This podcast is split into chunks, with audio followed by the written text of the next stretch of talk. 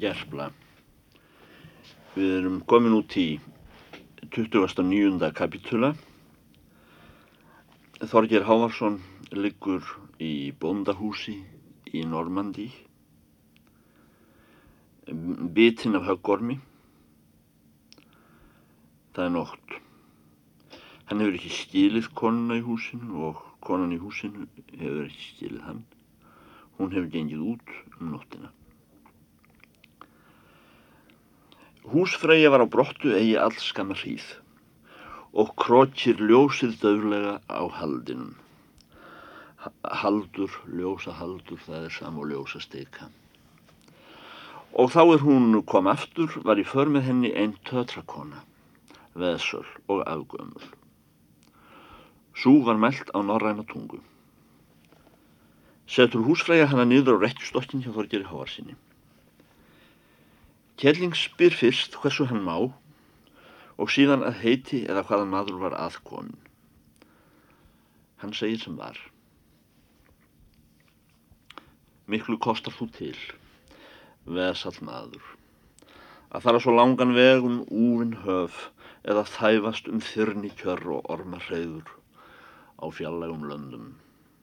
Til þess eins að brenna hús fátækra menna nokkura útlendra ef þú veist engi deili á. Eða festa upp bændur á landaregn þeirra sjálfra suður í heimi. Og svo aðra merkilega menn sem þér hafa aldrei ekki fyrir auguborið neð til miska gert. Eða hvað ætlastu fyrir Þorger hann sagði ég em einn vikingur vorum við tilkiptir af stjórnarmönnum yðrum að gerast þeirra varnarlið í Normandi. Hins er eigið að diljast að mjög hafa orustur orðið því ólíkar sem frásegir í fornum fræðum þeim er egnam að móður minni og öðrum ágætismönnum út á Íslandi.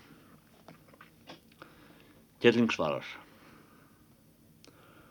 Þau einn fræði munu vera að þeir hyrði líkt.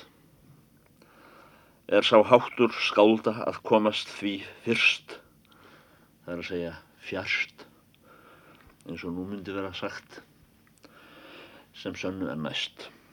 Er sá háttur skálda að komast því fyrst sem sönnu er næst.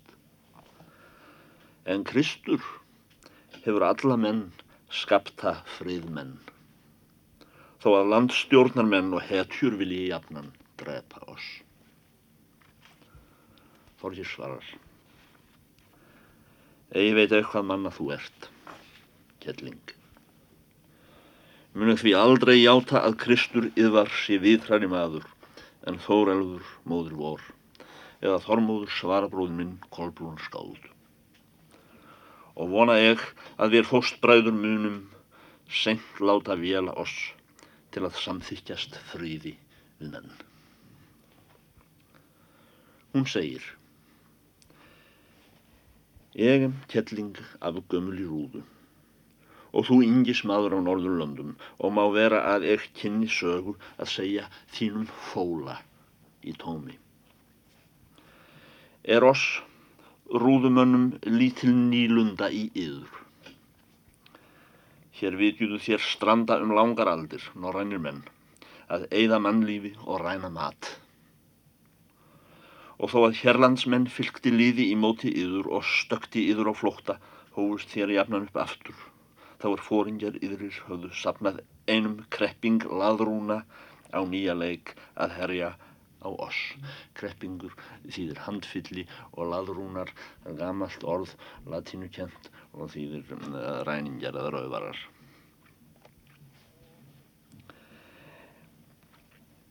Og er örvænt þótti að afmundi taka pláu er osvar í heimsóknum yðrum kom þar að formæður vorar tóku til sinna ráða. Í stað þess að láta norrænum mönnum haldast uppi að breytja hér landsfólk um aldur og æfi, þá gáfu sig til margar ágætar konur hérlendar og dróðu þetta illþýði í sæing hjá sér og ólu því valska sónu. Brúðu á það ráð jamt óspjallaðar bændadætur og tignar megar sem portkonur og skækjur svo á ekkjur þeirra bónda er norrænir menn hafðu felda. Dobnaði svo morðfýst yðar í örmum hvennavorra. Sjálf gekk Pópa dóttir Karls konungs í eina sæing með þeim sjóreifara og útilegumenni af Noregi er göngurhólður hefur verið nefndur og svo var heimskur og huglaus að hann kunni hortinni þorði hesti að ríða. Og kom hún honum til manns en gerði sónu hans og dætur að franseisum. Þorgir meldi. Hví fylgja eigi rúðubendur líði gegn oss að hermanna síð þá ef þeir eru menn og franseisar og mæta oss í orustu með völskum sverðum, hjartapríði og grimd en drepa Ríkard konungsinn sé þeim hann leiður væri slíkt frækilegra en læðast að mönnum á nætur þeli og hrekja oss með gardstöyrum eða flækja oss í fiskanetjum eða brenna oss með sóði og keitu Tröll hafi fræknleik yðar og hermanna síð, segi Gjelling. Og skulu lofa morðverk yður fíbl þau einn, er þér teimið við yður og kallið skáld yður. Skal þér nú kosti gera Þorgir Hávarsson. Er sá til að þú ílendist hér og gangir að eiga sonardóttur mína er hér ræður húsum síðan þér hafið uppfestan bónda hennar og hefur hún nú í kvöld borgið höfði þínu, er frændur hennar og námágar voru ránir í að drepa þig. Áttu konu þessari fjör að launa margfaldlega. Þorger Hávarsson er nú hugsi nokkra stund en svarar að lokum. Til lítils hafa góð skáld orðum fræga konunga og lofað orðstýr hugum stóra garpa svo að aldrei ekki deyr ef ég skal hér bleittur og upptefldur á mannþingi og var oss annað í hug. Þann dag er við stildumst við hormóð skáld fóstbróður vorn undir forvaðan menn hormóður finna í mér lítið drápu efni þann dag er hann spyr mig strádauðan orðið hafa búand kall í rúðu meðal svína og lebarna við kál krist og unnian þótt kona sé væn og sköruleg mun honum þá lítið tilefni þykja að ganga frá búi og ástkonu og fara af stað að hefna mín og er veröldin helsti slett orðin ef eigi skulu lengur finnast hetjur nema í bósum hvenna. Bós þýðir bæli eða beður. Tötrakona meldi. Þar hefur þú þýnslega kjörið sem vel er og haf þig á brott nú að sinna þeim verkum er garpi sama. Vera eld að húsum manna og drepa fyrir sækonungmiðrum eða landstjórnarmönnum hvað eina er lífsanda dregur og ráða svo fyrir heiminum. Við þau orð stýgur Þorgir fram úr hvílunni og dregur skúa sér á fætur þótt eigi væri maður heill og steipir yfir sig kirkli sín. Var þátt um hveðjur með ofurhugan og rúðumannakonum kastar húsfreyja eftir honum sobli um leið og hann haldrar út úr dyrum. En Kjelling hafði þau orðið að þar fór sá lík þrár maður er vist skal þóla háðulegan döðan okkur dag, hvimleiður og fjarrri manna tjenaði. 30. kapli Sveitn hefur konungur heitið. Hann var blátannar són. Hann reið fyrir Danmörku. Þann kalla Danir tvískegg á sínum bókum en Íslendingar tjúuskegg. Á ennskum bókum er hann kallaður föðurbani að viðurnefni. hafði hann það sér til fræðar unnið umfram marga konunga að berjast við föður sinn og drepa hann. Svein hafði í bensku tekið við kristni af þýðverja geysara en kasta trúni og vildi nú drepa alla kristna menn, engum klerka. Það spyr Svein konungur að England er svo landa að þar ná hugprúðir konungar mikill fræð og lætur saman koma flota ágæðt hann í Danmörku og syklur honum til Englands og tegur að herja á landið.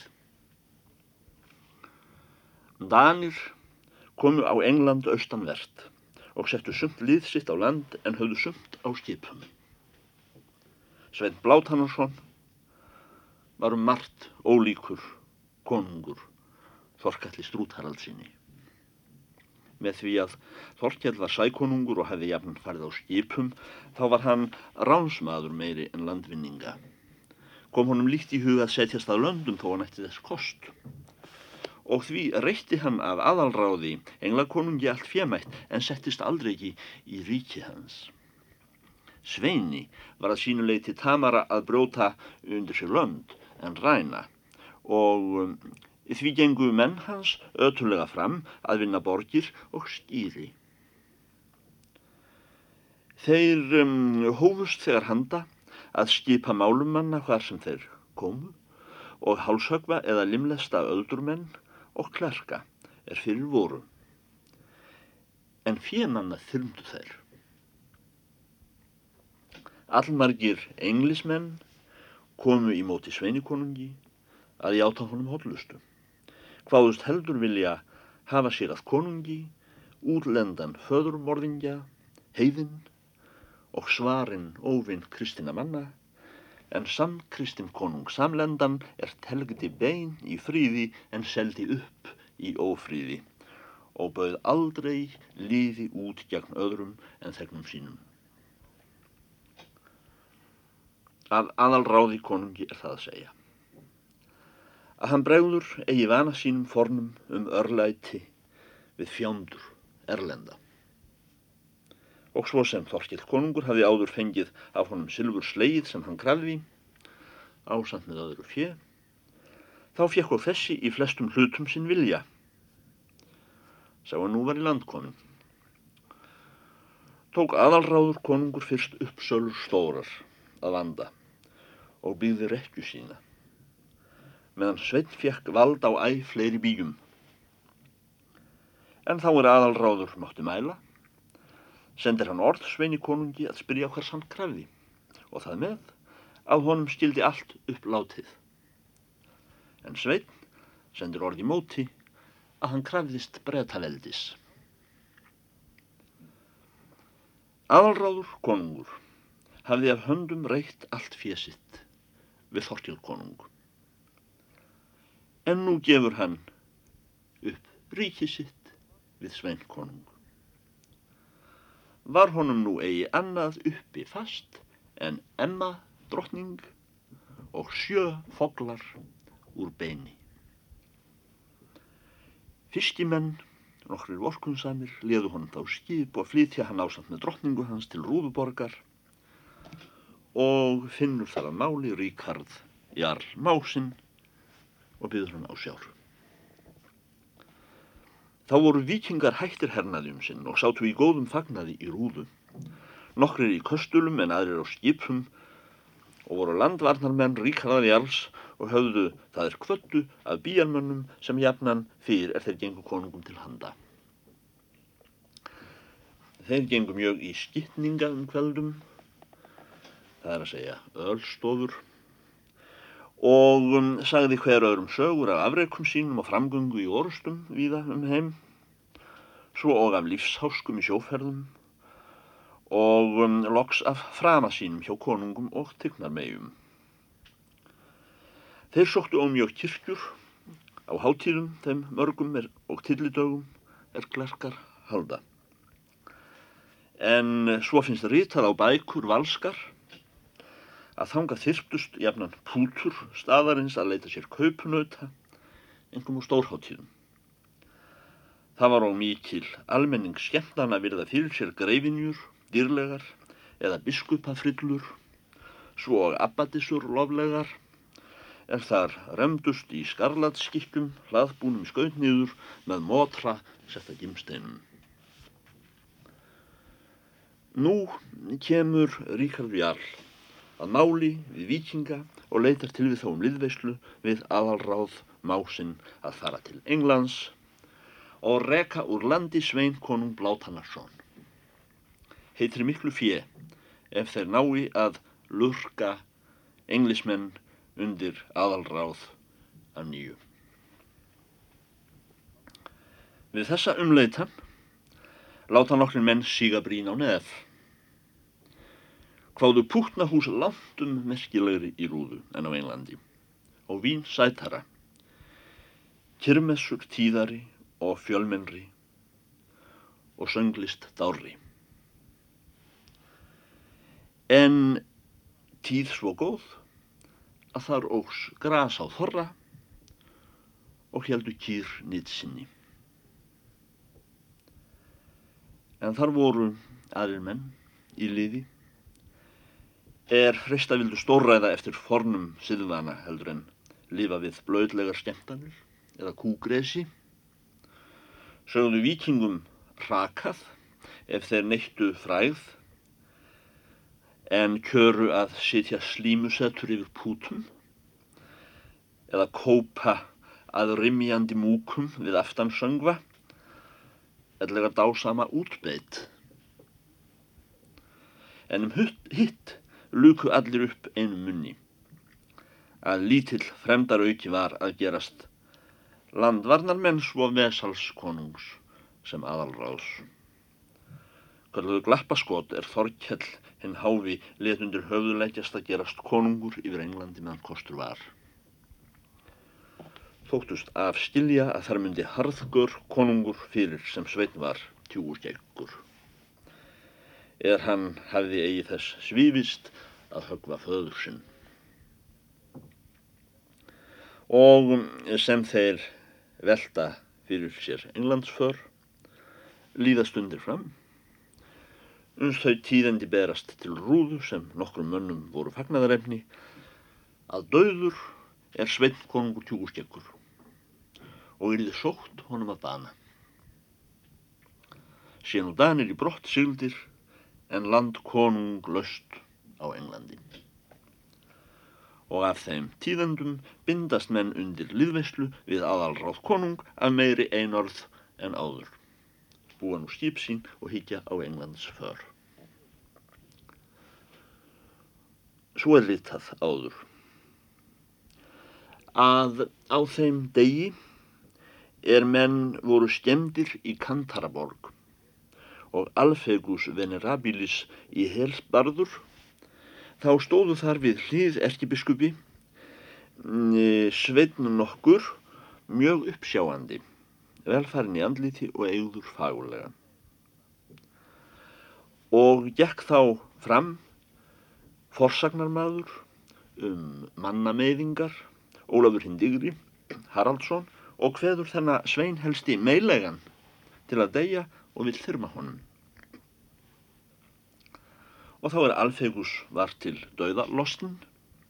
Þá gengur til vikingar að leiða augum svein þennan, er nær hafi staðið helga manni og sungið við hans pinsl.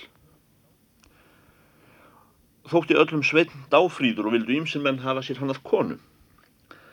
En þá er Þorkjall konungur heyrir á flindan þessa, segir hann að engi maður skal dyrfast að mjúklæta sveinin, skal hann ganga mér til handa en einmun gerast hans varnar maður hafði Þorstjall konungur sveinin jafnan í försinni og let hann byggja herbergi með sér. Víkingum var óhægt nafn sveinsins að látínumáli það er hann hafði hlotið í skýrn heilagri og kalluðu þeir hann Grímkjell. Þorstjall lagði átrúna mítinn á sveinin og hafði ráðum með sér um margar hluti. Eftir það er Þorstjall gerðis maður Kristinn þótti honum enn meira tilkoma Grímkjáls fóstra síns. Og fretti hann sveinin þegar hluta er honum höfðu áður þótt smá ríða, það er að segja litlu skipta, engum um helga kristni og hverjir þar reyðu fyrir ríki með sanni eða hverjum vopnum. Sýndist vikingin Rómsbiskup hafa þar mestan forgang og síðan hinn minni biskupar og fara með töfrum og látínusæringum og annari fjölkingi þeirri er óðinn mátti yngri vörn í móti koman í norrænir guðir formir. Þar með afli til að bannsetja fjándur og ráða konungum. Og hafði Kristur himnasmiður af miðlað biskupum sínum af þeirri náttúru þá er hann byggði hér áður hann var píndur. Þá þótti vikinginum máli skipta að vita af Kristi og hans árum hvar skildi með sönnum orðum og ósönnum. E, Víkingar höfðu til þeirra stundar er þeir gerðust kristnir, eigi annað spurt, en það verka væri rétt og það orða satt er stiðja mætti til sigurs með vopni eða fjemútu. Og væri önnur rauk orða og verka mikils til fánýtt. En nú verður það nýmæli ráðið af heilagra mannadæmum að nokkur verk voru rétt og önnur röng þó ekki eftir efni hlutar heldur að guðlegri spekt. Þótti Þorkalli konungi miklum vanda stýra að biskupar kunnu einir manna að þýða vilja kriss í þeim greinum og mál sendum sem herr konungum er mest forvitni á, svo sem hversu framskal ganga í orustu við kristna menn og hvað við skal liggja þurfa að brennanda sé í eldi saglust fólk og önnur vesalmenni, svo og hvena er Kristur telur rétt og sæmilegt að leggja eld í kirkjur.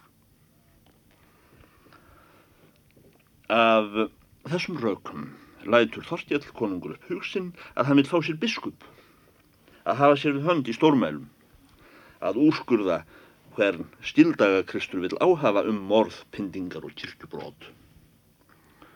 Og svo breyti hann lítilmagna.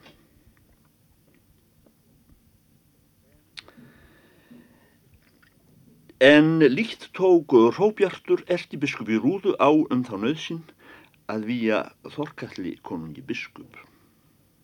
Segir það vilja Kris að biskupar siti að löndum og syngi að höfuð kirkjum en flakki eigi á sjó.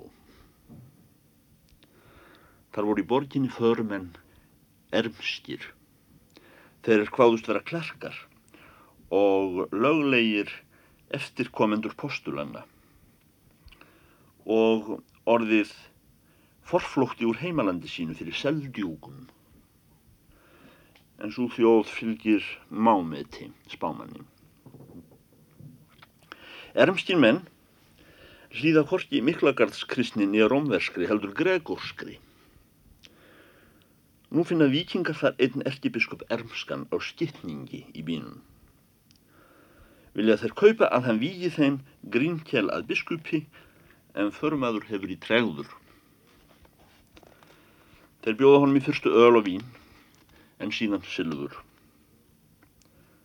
En þá loks er þeir hafa sínt honum gull glóraut og skinjar erkibiskup að það hefur sannan hljó.